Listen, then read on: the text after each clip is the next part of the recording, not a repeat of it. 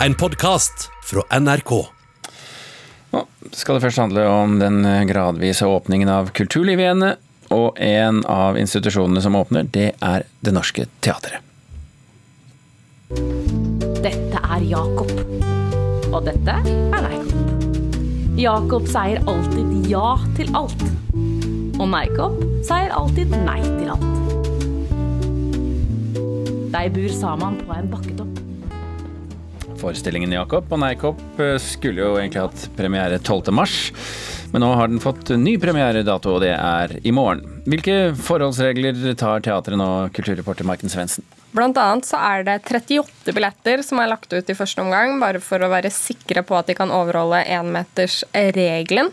Eh, de har lagt opp til også å bruke lengre tid på inn- og utslipp, og gi publikum gode muligheter for å vaske eller sprite hendene. Og kommunikasjon- og markedssjef ved teatret, Tine Seltbacks, hun sier til NRK at de følger Folkeinstituttets regler og veiledninger, og hun er trygg på at de nå har satt inn de eh, smitteverntiltakene de trenger før barneforestillingen starter. Mm, og 12. mars, den opprinnelige premieren, det var jo akkurat da hele kulturlivet stengte ned. Men i morgen så åpnes det opp for arrangementer, altså som du indikerer, opp til 50 eh, personer. Og en av dem som skal møte publikum igjen, det er artisten Jarle Bernhoft.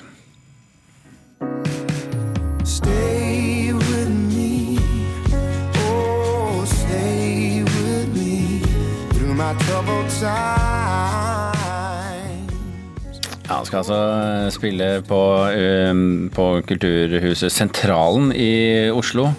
Hvilke andre arenaer er det som åpner? Eh, nyhetsbyrået NTB de skriver jo da bl.a. om sentralen, som har vært brukt i koronarulling de siste ukene. I tillegg åpner Revolver bakgården med eh, bord med inntil fem personer, og åtte av de med god avstand. I Bergen så skriver Bergens Tidende at de små konsertarrangørene de begynner å se på å åpne igjen, mens de større aktørene de avventer. Mm, hvordan er det for eh, kulturnæringen at man kan åpne igjen? Eieren av Revolver, Dan Marius Nordhagen, han sier til NTB at eh, med disse små konsertene, og om folk kanskje kjøper litt øl når de er der, så vil de nå begynne å få dekka utgifter, og kanskje litt til.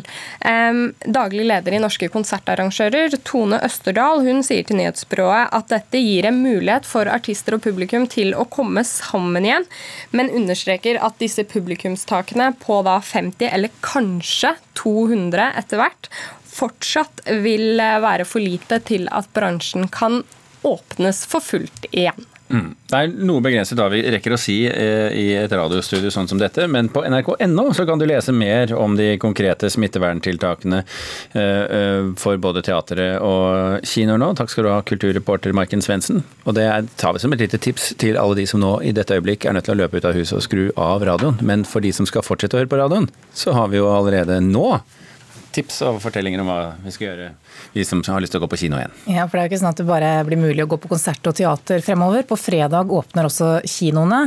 Og programdirektør i Nordisk Filmkino, Kristin Berg, god morgen. God morgen.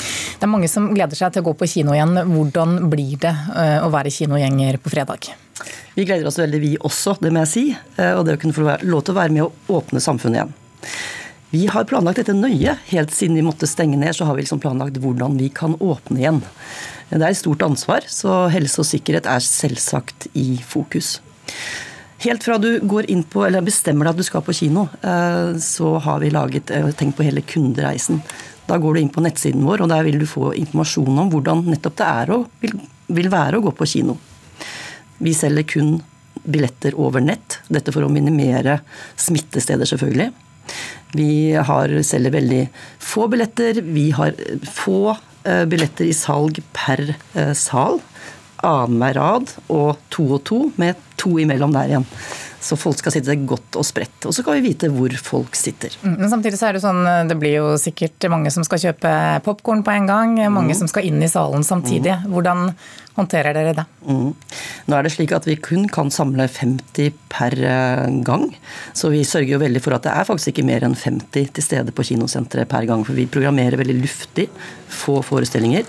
Og når du skal inn i kiosken, så er det jo selvsagt da antibac. Eller når du kommer på kinoen, antibac overalt.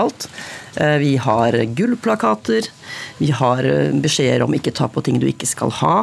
Eh, det er pleksiglass i kiosken. Du skanner dine egne varer. Og vi tar ikke kontanter, så det er veldig, veldig godt uh, ivaretatt, de sikkerhetsreglene. Kan man ha med sitt eget godteri?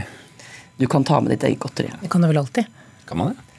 Man kan det, men uh, det er også veldig trygt å kjøpe popkorn. Det har jeg fått beskjed om fra fylkesoverlegen. Mm. Men uh, er du nervøs, eller? Vet du hva, det er et stort ansvar.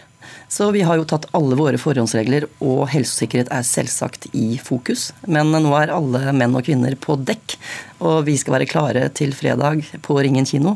Og folk skal føle seg trygge for å komme på kino til oss. Mm. Og så er det da mange som lurer på hvilke filmer er det man da kan se ja. når kinoene åpner igjen? Ja. Eh, det er jo slik at veldig mange filmer ble flyttet, altså datoen ble flyttet i hele tatt nesten, altså før vi stengte ned. James Bond var vel den første, som det var stor sorg for veldig mange eh, at ble flyttet til november nå, da. Eh, så vi, vi viser en gjeng med filmer som allerede gikk på kino da kinoen ble stengt ned. Men Vi har også noen nye titler som folk kan se, bl.a. den danske komedien 'Klovn 3'. Eller den svenske filmen 'Om du endelig' av Roy Andersson, f.eks. Så ser vi jo disse drive-in-kinoene som noen har satset på. Der er det jo blitt satt opp en del klassikere, bl.a. Er ja. det noe dere også vurderer nå, eller, det, vi, eller må vi ha nye ting? Ja, vi, vi, vil jo gjerne ha nye ting, så publikum eller våre kinogjester skal få det. Men vi vil tenke veldig alternativt og mye gøy framover. Så håper vi at Tennet og Christopher Nolans film Tennet fremdeles kommer på kino i juli, som vi håper. Mm. Kinobransjen har vel ikke de største marginene i utgangspunktet. Vil denne perioden dere har hatt stengt få noen følger for publikum i tiden fremover? Ja, altså I tillegg til at alle må jo ta hensyn til de smittevernreglene som til enhver tid gjelder. Så det opplevelsen blir kanskje annerledes og luftigere og mindre folk på kino. Men de vil også måtte vente litt lenger på filmfavorittene sine. Som f.eks. da James Bond eller Wonder Woman 2, som kanskje kommer i august istedenfor nå i juni.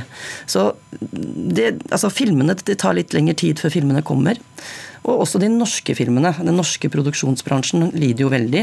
Eh, filmene har måttet stoppe produksjonene sine, eller produksjonen har måttet stoppe. Eh, og filmene er utsatt, og kanskje kansellert. Så det blir, kanskje vi er litt redde for at det blir en eh, norsk filmtørke framover. Og det, det, er prekært for oss og for våre kinogjester og for bransjen generelt. Mm. Kristin Berg, programdirektør i Nordisk Filmkino, takk for at du kom hit til Nyhetsmorgen. Det kommer til å ta litt tid før denne nye filmen til Tom Cruise også kommer på kino, men det er kanskje ikke bare pga. korona. Det er jo bl.a. fordi at den skal spilles inn på den internasjonale romstasjonen IS. Det bekrefter nå romfartsorganisasjonen NASA. Eh, populærkultur det er jo med på å inspirere stadig nye generasjoner med ingeniører og forskere, skriver NASA på Twitter nå. Og I går så skrev nettstedet Deadline at Cruise også ønsker at romfartsselskapet til Tesla-gründer SpaceX skal være involvert i prosjektet. Vi vet egentlig ikke helt hva dette dreier seg om, men eh, det skal filmes på is, og vi vet ikke helt når. Vi snakket jo nettopp om, eh, om film på eh, norske kinoer. Eh, ikke sikkert det blir så veldig mange franske filmer med det første, men fransk litteratur det begeistrer norske lesere som aldri før. Vi har jo hørt om Michel Houellebecq, eh, Virginie Despant, Edvard Edouard Louise eh, bl.a. Tre forfattere som vi har snakket mye om her i Nyhetsmorgen de siste årene. Litteraturkritiker Anne Katrine Straume, du har nå tatt med den, den nye. Det er litt rart å kalle henne hotshot, men hun er på en måte det, og på en måte ikke? Ja, Annie Ernaux hun er altså um, snart 80 år gammel. Hun er en av Frankrikes fremste forfattere. Debuterte allerede på starten av 1970-tallet. Men nå får hun en bølge av oppmerksomhet i Norge fordi flere av bøkene hennes kommer på norsk. Uh, hun er uh, kjent for å skrive om seg selv. Skriver tynne selvbiografiske bøker og kan sånn sett bli betraktet som en slags forløper for den virkelighetslitteraturen som vi har hatt i Norge, f.eks. med Knausgårds bøker, da, selv om ikke de er tynne. Uh, hun kaller det selv auto fiksjon. Ehm, det er ikke selvbiografi rent eh, i den eh, forstand at hun bare skriver om seg selv, for det er romaner også. Og så skriver hun om hele samfunnet rundt seg. Hun skriver om en hel generasjon og hendelser som har preget henne. Så hun ser på en måte samfunnet gjennom sin egen person og sitt eget liv. Mm, jeg ser du har tatt med boken 'Årene' her. Den er jo egentlig Den er ikke ny i Frankrike, i hvert fall? Den kom i 2008, men den kommer nå da i norsk oversettelse. Eh, der skriver hun om seg selv. Hun skriver ikke jeg, men hun skriver hun. Akkurat som P.O. Enquist gjorde i et annet, annet liv, da han skrev om seg selv, også i 2008, sin egen selvbiografi. Eh, og da får du en distanse til denne jeg-personen. Du ser deg selv litt utenfra, nesten som en romanperson. Og samtidig så har hun et kollektivt vi, eh, hvor hun da sier at vi som opplevde Algerikrigen, eller vi som hørte foreldrene våre snakke om krigen og alle de eh, problemene som var den gangen vi satt søndagsmiddager og hørte på de gamle snakke. Vi som gjennomlevde 1968. Så det blir en slags felles erfaring også i eh, disse bøkene hennes. Men Betyr det at hun slipper unna problemene virkelighetslitteraturen har? At man eh, er for eh, At man eh, forteller om mennesker som ikke vil bli fortalt om, f.eks.? For ja, av og til så skriver hun bare om personer med en forbokstav. Altså Hun gjengir dem ikke med navn, men hun skriver om Annie. Det var vel bare kanskje i debutromanen at hun hadde et annet navn på sin hovedperson. Ellers så skriver hun om Annie da, og hennes opplevelser. Men hun gjengir ikke alle andre personer med deres navn. De er anonymisert. Men blir det da ja, Anonymisert, ja. Men blir det, da, blir det da roman, eller blir det en slags erindringsbok? Det er eh, tydelig en roman fordi at den har også bruker alle de virkemidlene en roman gjør, med å liksom gå tydelig inn i noen scener og også bygge dem ut, eller utvide og reflektere tilbake i ettertid. Eh, men erindring, jeg syns erindring er et veldig fint ord, fordi at det er annerledes enn minne og hukommelse, så er erindring noe som sitter i kroppen. Og Anjar nå er en forfatter som skriver både veldig kroppslig og intellektuelt litterært. Hun skriver om eh, klassereiser, hun skriver om frihetskamp kamp, altså kvinnebevegelse, likestilling. Hun skriver om fredsbevegelse. Eh, og hun erkjenner dette gjennom på en måte opplevelser i kroppen. Så erindringsbok, ja, jeg syns det er et godt, eh, godt begrep. Hun fremstår som en typisk fransk forfatter. Eh, med franske eh, erindringer, betyr det at vi også vil dra veldig fordel av å kjenne Frankrike godt, eller trenger vi ikke det? Nei, du trenger det ikke, men jeg tror nok at du vil få et utvidet bilde, fordi at hun nevner sant, franske TV-kjendiser, franske sanger, franske tegneserier. Eh, så er du fransk, så har du nok en annen tilgang til stoffet, men det betyr ingenting. For oss så blir det en bok om en generasjon, og det blir felles minner som hele Europa i hvert fall kan ha. Og Annie er nå definitivt noe vi bør lese, med andre ord? Absolutt, og godt oversatt er det også. Anne Katrine Straume, eh, oversatt altså av eh, Henninge Margrethe Henninge Margrethe Berg. Um, og mer om Ernaud og forfatterskapet kan du høre i Åpen bok på P2 nå til helgen.